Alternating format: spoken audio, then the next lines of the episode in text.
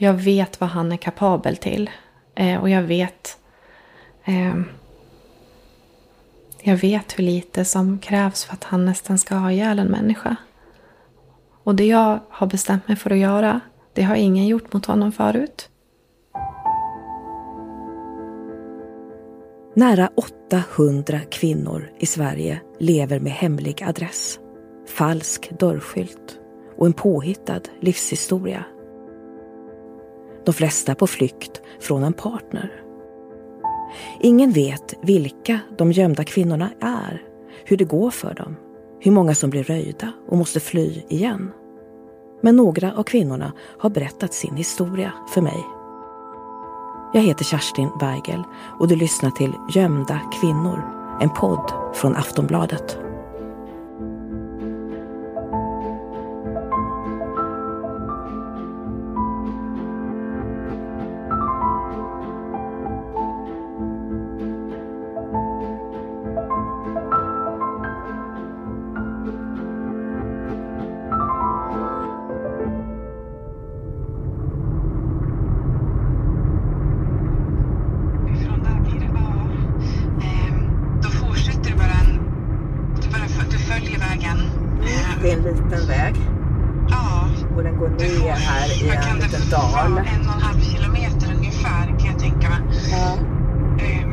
Jag är på väg till Malin.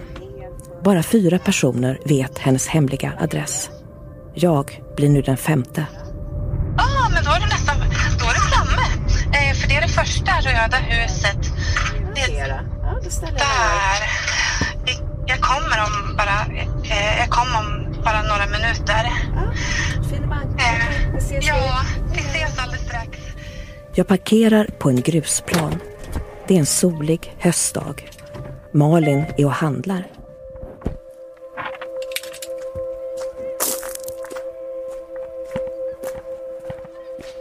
Snart ser jag en kvinna komma gående med barnvagn. Får jag ge dig en kram?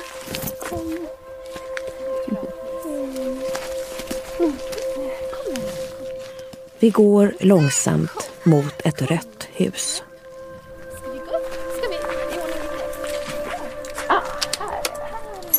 Malin bor en trappa upp. I farstun står flyttkartonger kvar.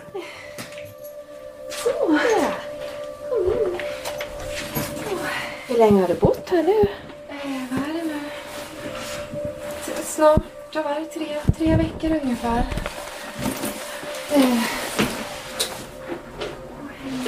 Jag är så jätteglad att du, att du kunde komma och sådär. Det känns, jätte, det känns aktuellt. Jätteaktuellt nu. Det har hänt så mycket.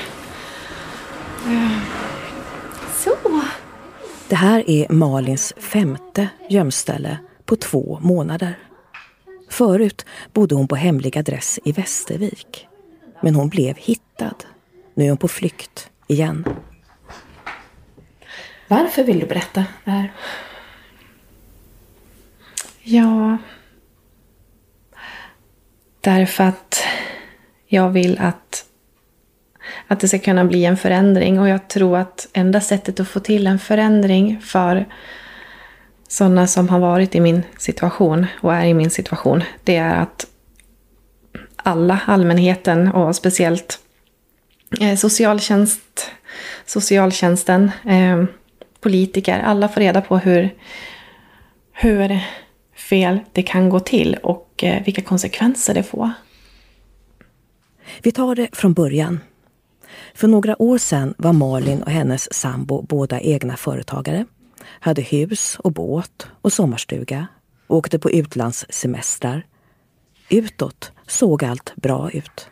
Mellan de här gångerna när han, eh, när han fick de här raseriutbrotten, eh, däremellan så var det jättefint.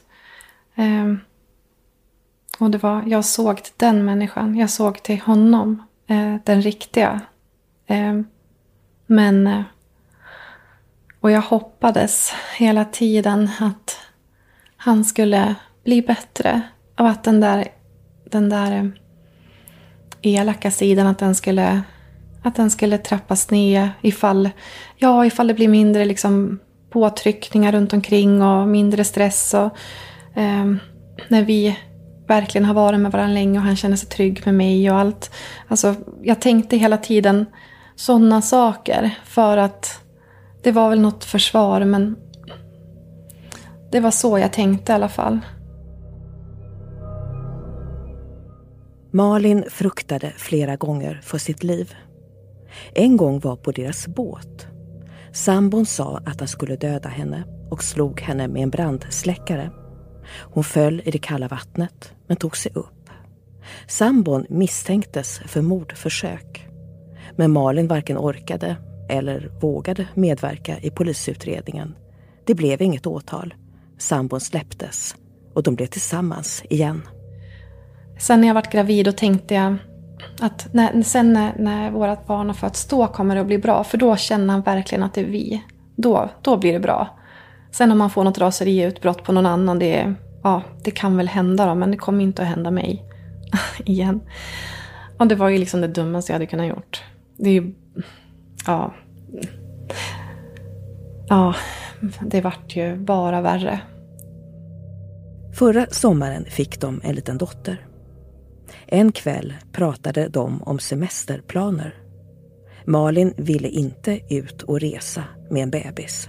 Sen eldade han upp sig själv mer och mer och mer över att jag inte ville åka iväg med båten eller tälta. Det är där det började. Malin säger att hans blick förändrades. Ja, det påminner om den gången när han eh, nästan hade ihjäl mig när vi var ute på båten. Det, de får en annan nyans. De blir... De blir svart. De blir iskall. Det är svårt att förklara. Samtidigt som han får ett annat tonläge. Hon försökte lugna honom. Det, det förvärrar bara allt. För jag ber han till och med... Det är det att jag ber han att vara snäll och sluta skrika. Och det har jag märkt att när jag visar en svaghet, som att jag är snäll och mesig eller något. Alltså när jag visar en svaghet, då blir det, då blir det ännu värre. Han blev hotfull. Han säger att han ska... Ja, att jag är en jäkla, en jävla horjävel som bara ska förstöra hela hans liv. Sedan gick det fort. Ja, eh, han tar en... Han, han tar tag i en sladd och knyter den runt halsen. Han drar den runt halsen på mig. Hårt. Och så säger han att han ska ha ihjäl mig. Och att han ska gå in och ta ihjäl våran eh, dotter också. En släkting kom och avstyrde Malins sambo. Malin ringde 112. Polisen kom. De fotograferade strypskadorna på hennes hals. Sen, eh, ja, sen eh, ligger jag mest vaken hela natten när de har åkt och tagit med sig honom. Eh, och tänker och jag bestämmer mig då den natten för att aldrig vara med om det här igen, någonsin. Och jag tänker, jag tänker också att eh, dottern aldrig ska behöva få se något liknande igen. Aldrig. Hon ska få ett bra liv. Hur rädd är du då? Eh, tio av tio på en skala. Därför att det här är ju jämfört mot vad han har gjort mig tidigare så är det här en, nästan en bagatell. Fast det är jätteallvarligt. Men jag vet vad han är kapabel till. Eh, och jag vet eh, jag vet hur lite som krävs för att han nästan ska ha ihjäl en människa. Och det jag har bestämt mig för att göra, det har ingen gjort mot honom förut. Eh, och det vet jag när jag ligger där och tänker. Jag vet vad jag kommer att gå igenom. Jag vet faran, jag vet allting som kommer framför mig. Men är jag kvar i det eller bara gör det halvdant, då kommer det aldrig bli bra någonsin. Eh, så jag gör allting som man ska. Jag anmäler honom. Eh, och med tanke... Polisen gör också en riskanalys. Eh, Vad visar den? Den visar att det kommer till 99 procent att sluta med dödligt våld om jag går tillbaka eller om jag stöter på honom efter det här. Det visar en, så det är en jättefara. Ehm, jag får flytta in på ett skyddat boende direkt efter polisförhöret. Ehm, mitt ex är häktad med fulla restriktioner. Han kan inte prata med någon, han kan inte ringa, ingen kan ta kontakt med honom. Han vet ingenting vad som händer egentligen. Trots det så får jag flytta till ett skyddat boende. Mm. Med tanke på att de anser att han kan, att han har medel att kunna ta kontakt med folk och göra mig illa ändå.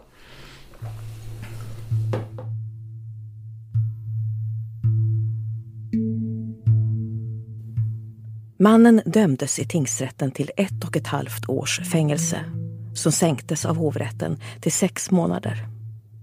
Polisen sa att Malin måste flytta till en ny stad långt bort. Hon valde Västervik. Där hade hon aldrig varit förut. Malin har även en tonårsdotter från ett tidigare förhållande. Även dottern flyttade till Västervik. Hon var 15 år gammal. Det var svårt för dottern att bryta med alla gamla kompisar i den förra hemstaden. Av misstag la hon ut en bild på sociala medier på ett hus i Västervik. Malin blev orolig. Och snart verkade det som att de blivit hittade. En jättefin, sån här riktigt fin dag med fullt med turister och eh, ja, riktigt mysig, varm dag. Eh, jag har precis ätit glass med lilla dottern också. Eh, då ser jag en bil som står bara en liten, liten bit ifrån oss. Där det sitter två stycken eh, utländska killar som jag känner igen från eh, hans bekants, bekantskapskrets. Eh, ehm, och eh, jag, känner, jag kände att de tittade på mig. Och, och, när jag tittade på dem så såg jag också att de, de snabbt vände sig bort från mig. Eh, när jag gick förbi där så såg jag vilka det var. Och det var verkligen de som jag, jag kände igen. Det var det jag är helt säker på. Malin ville tro att det var en slump att männen var där. Hon ville inte flytta igen. Tonårsdottern hade just kommit in på gymnasiet. Lilla dottern skulle skolas in hos dagmamma. Det kändes som att jag ville inte riskera att tappa allt det ifall det bara var en tillfällighet. Så att jag tänkte bort det där. Och intalade mig att det var en tillfällighet och så var jag tyst om det. Några veckor går. Så får Malins äldsta dotter ett sms från någon som utger sig för att vara en släkting. Personen vill veta var de bor. Ja, det står hej i min dotters namn. Eh, hoppas allt är bra. Eh, vi tänkte komma och fira din mamma som snart fyller år. Eh, men vad har ni för adress i Västervik? Kramsläkten, står det. Dottern svarar inte på smset. Då kommer ett till mer liksom uppfordrande sms. Er adress, eh, Kramsläkten. Och då skriver hon tillbaka och frågar vem, vem det är. Och hon får ingen svar. Malin försöker kolla upp numret. Och det är skyddat. Finns ingen som står skriven på det. Jag kollar för säkerhets skull med, med våran släkt. Och det finns ingen som skulle kunna skicka. Det finns det, det är ingen som har skickat det. Eh, och de skulle förresten de skulle aldrig göra på det viset. Och sen för det tredje så är det inte så många ens i våran släkt som vet vart vi bor. Det är faktiskt bara en som vet det, som har vetat det hela tiden. Så där blir jag rädd.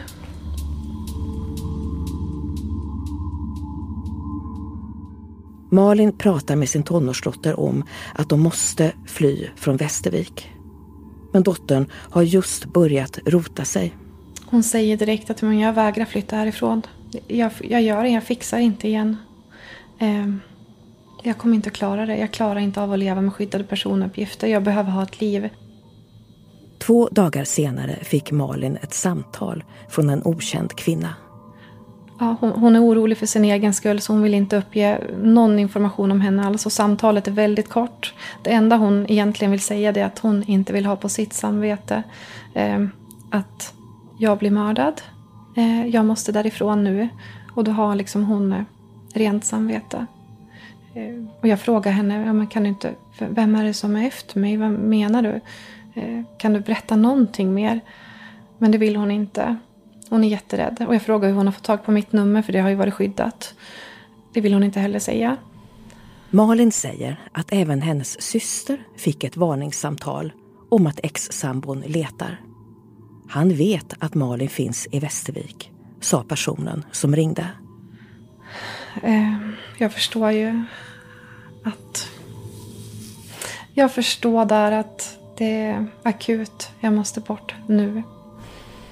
Malin packade en väska med barnkläder och barnmat, pass, telefon och dator.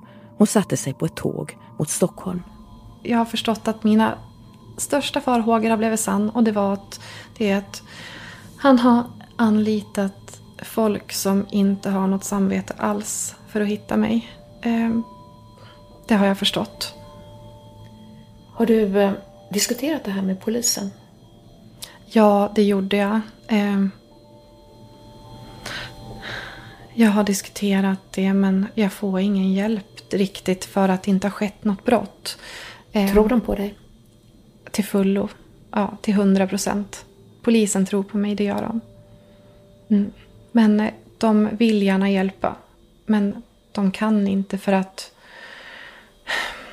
de kan inte göra någonting för det är inget brott som har skett. Det är inget brott att skicka sms om och komma och gratta från ett skyddat nummer. Alltså det, det, är inget brott och det är inget brott att ringa och varna mig. Kvinnan gjorde inget, inte heller ett brott. Och det är inget brott att sitta i en bil och titta bort. Och det är inget brott att känna sig iakttagen. Ingenting går liksom att göra en anmälan av. Och det är där det börjar liksom, det är där är egentligen första eh, sak, alltså det är första händelsen som gör så att det skär sig med eh, samhällets hjälp. För när inte jag kunde göra någon polisanmälan då kunde jag inte styrka att jag var i en utsatt situation. Och då får vi ingen hjälp från socialtjänsten. Det är där det börjar. Liksom. Det är där eh, första felet är. När du ger dig av, vad har du för plan? Planen är att klara oss, överleva. Och planen är också att göra så att min äldre dotter kan få ett bra liv. Samtidigt som jag och minsta dottern, som också är utsatt för hot, eh, ska kunna få ett bra liv. Men, men den direkta planen var bara att komma därifrån fort, snabbt och eh, till en säker och trygg plats.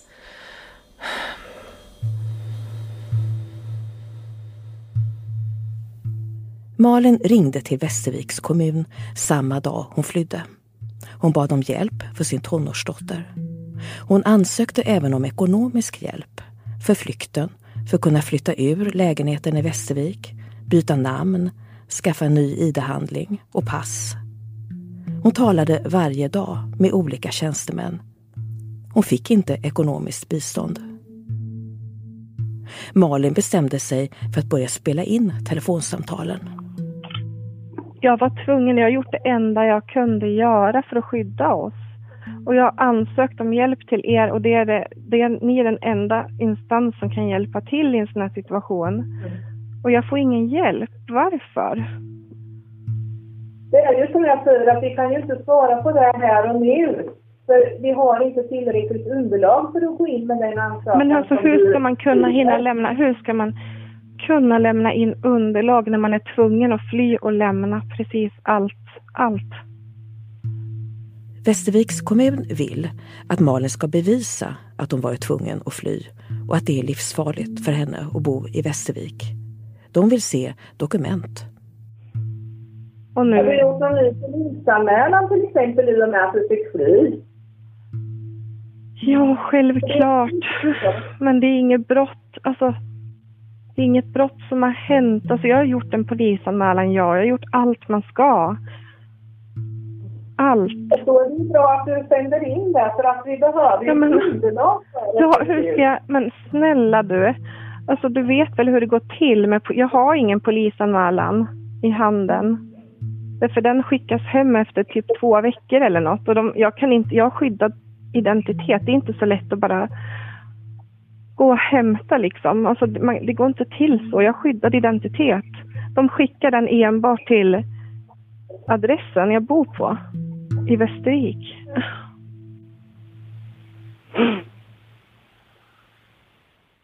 Man kan ju inte vänta, det är en akut situation.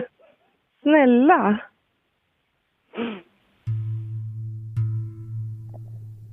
Socialtjänsten i Västervik menar att de inte behöver hjälpa Malin eftersom hon inte längre finns i Västervik. Om hon behöver skyddat boende ska det vara i Västervik eller strax utanför. Men Malin tänker inte åka tillbaka. Hon tänker följa säkerhetsföreskrifterna från sin förra kommun.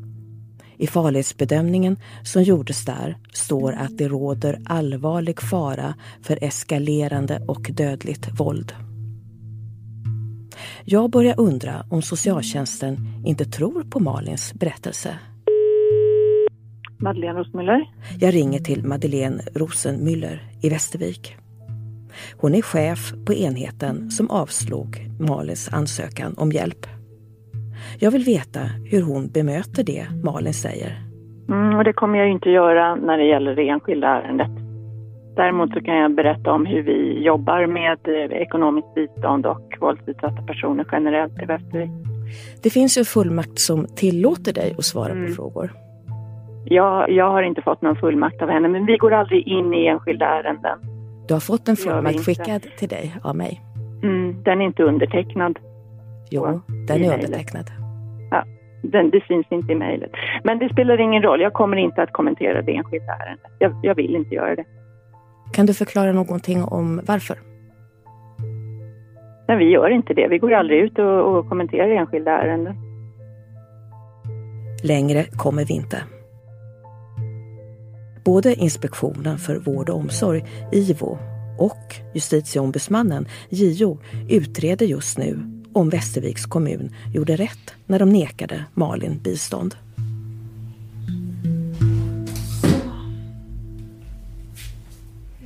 Nu sitter vi vid Malins köksbord igen. Ex-sambon har förlorat vårdnaden om deras dotter. I domen står att umgänge inte kan komma i fråga. Hon berättar att hon har tömt sin gamla lägenhet i Västervik.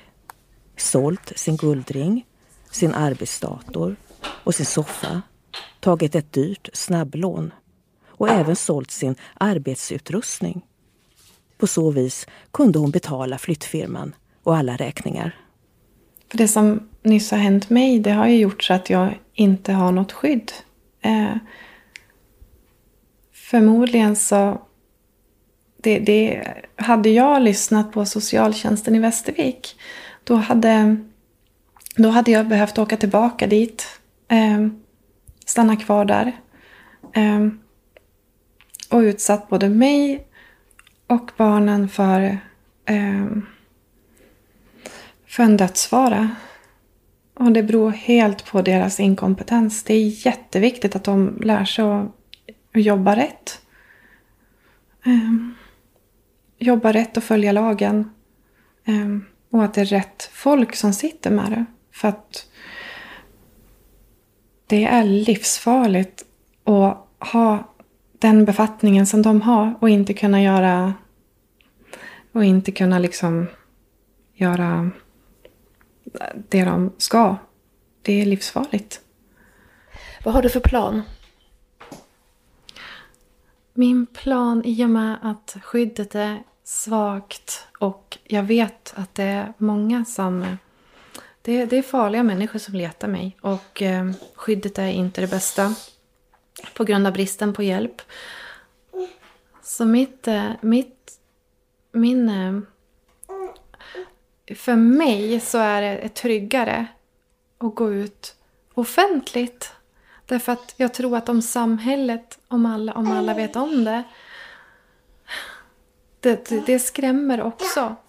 Vem, alltså för det, det är, då får de ögonen på sig. Ehm, jag tror att det i sig är ett, ett starkare skydd än vad jag har idag utan den hjälpen jag fick från kommunen.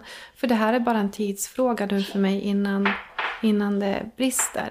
Men kan du förklara här hur du tänker? För du tar ju också en risk eh, Det när du träffar ändå. mig. Det gör jag ändå, ja. Men det är också en... eh, Det är också... Det, det här måste komma ut för att kunna... Dels för att kunna hjälpa oss i vår situation. Ehm, och sen måste det komma ut för att det är fruktansvärt hur... eh, vi- Det är snart 2020 och en del kommuner ligger så efter i tiden. Ehm, de skickar kvinnor till, till döden. Hade inte jag varit stark och stått emot det hade jag hellre åkt tillbaka till min gamla lägenhet i Västervik och då hade jag förmodligen varit mördad. Eh, Det hade varit det lättaste för mig. Och bara åkt tillbaka dit och sagt att nej men det är ingen fara. Det, det får inte hända. Det ska inte behöva hända. Hej gumman. Hej. Vi förtjänar ju att ha det bra, precis som alla andra. Och jag är inte den, jag är inte den sorten som bara lägger mig ner och hoppas på att det ska gå bra. Utan jag vill att det måste kunna bli en förändring. Det måste det. Och det här är liksom på politikernivå. Det är där det måste till en förändring. Jag tror att vissa kommuner bara behöver... De behöver verkligen eh, göras om från grunden. Och jag tror att det egentligen är en egen instans som behövs för just det här med kvinnovåld. Uppbyggnad, hjälpen för kvinnor som har råkat ut som mig.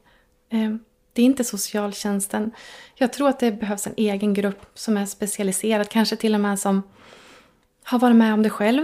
Ehm, som sitter där och handlägger just sådana ärenden och att det stannar där.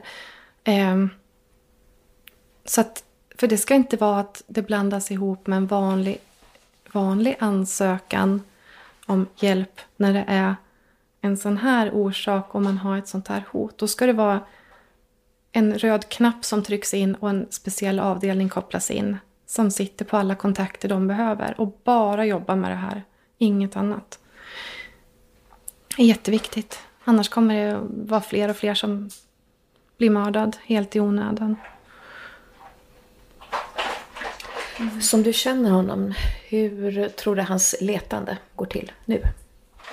Nu, det jag har fått bekräftat, det är att det inte är bara han som letar, utan jag förstörde, inom situationstecken förstörde mycket av hans liv.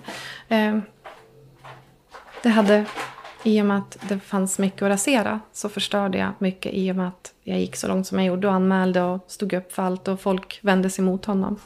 Eh, de som är kvar, det är sådana som har en väldigt dålig kvinnosyn.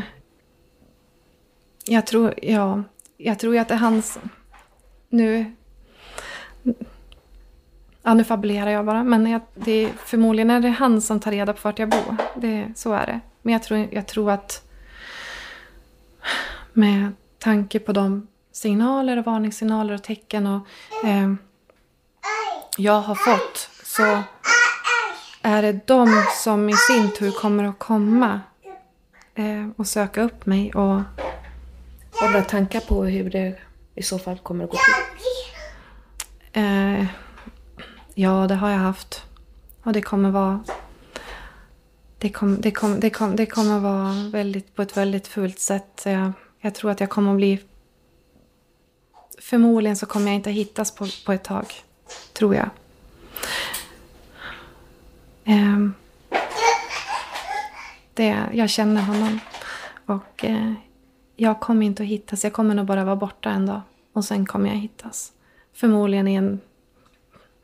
Skulle inte förvåna mig ifall det är eh, i, i vatten. Du ser väldigt samlad ut när du berättar om det här.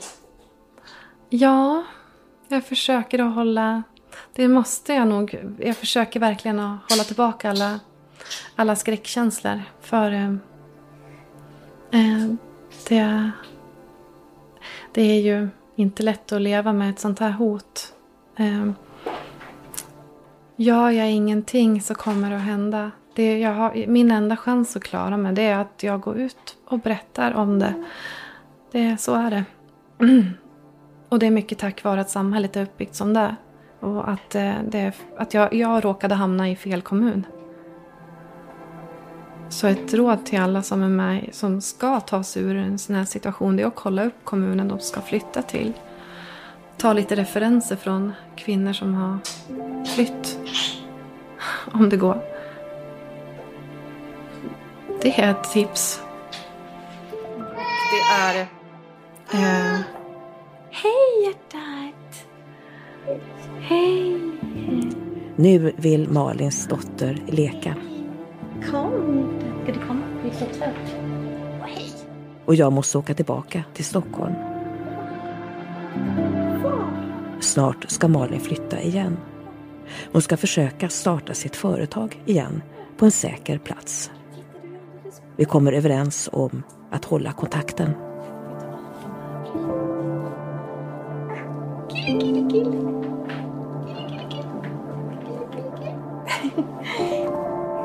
du killig?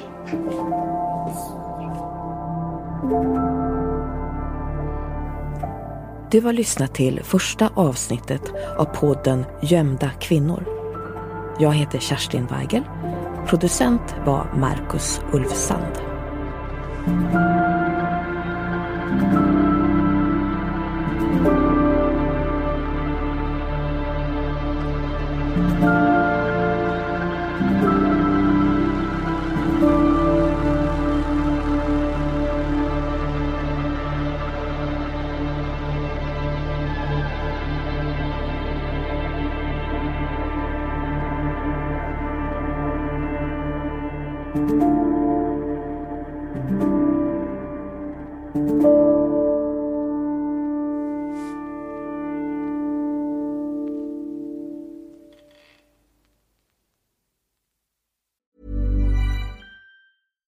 Tired of ads barging into your favorite news podcasts? Good news. Ad-free listening is available on Amazon Music for all the music plus top podcasts included with your Prime membership. Stay up to date on everything newsworthy by downloading the Amazon Music app for free or go to amazon.com slash news ad free. That's amazon.com slash news ad free to catch up on the latest episodes without the ads.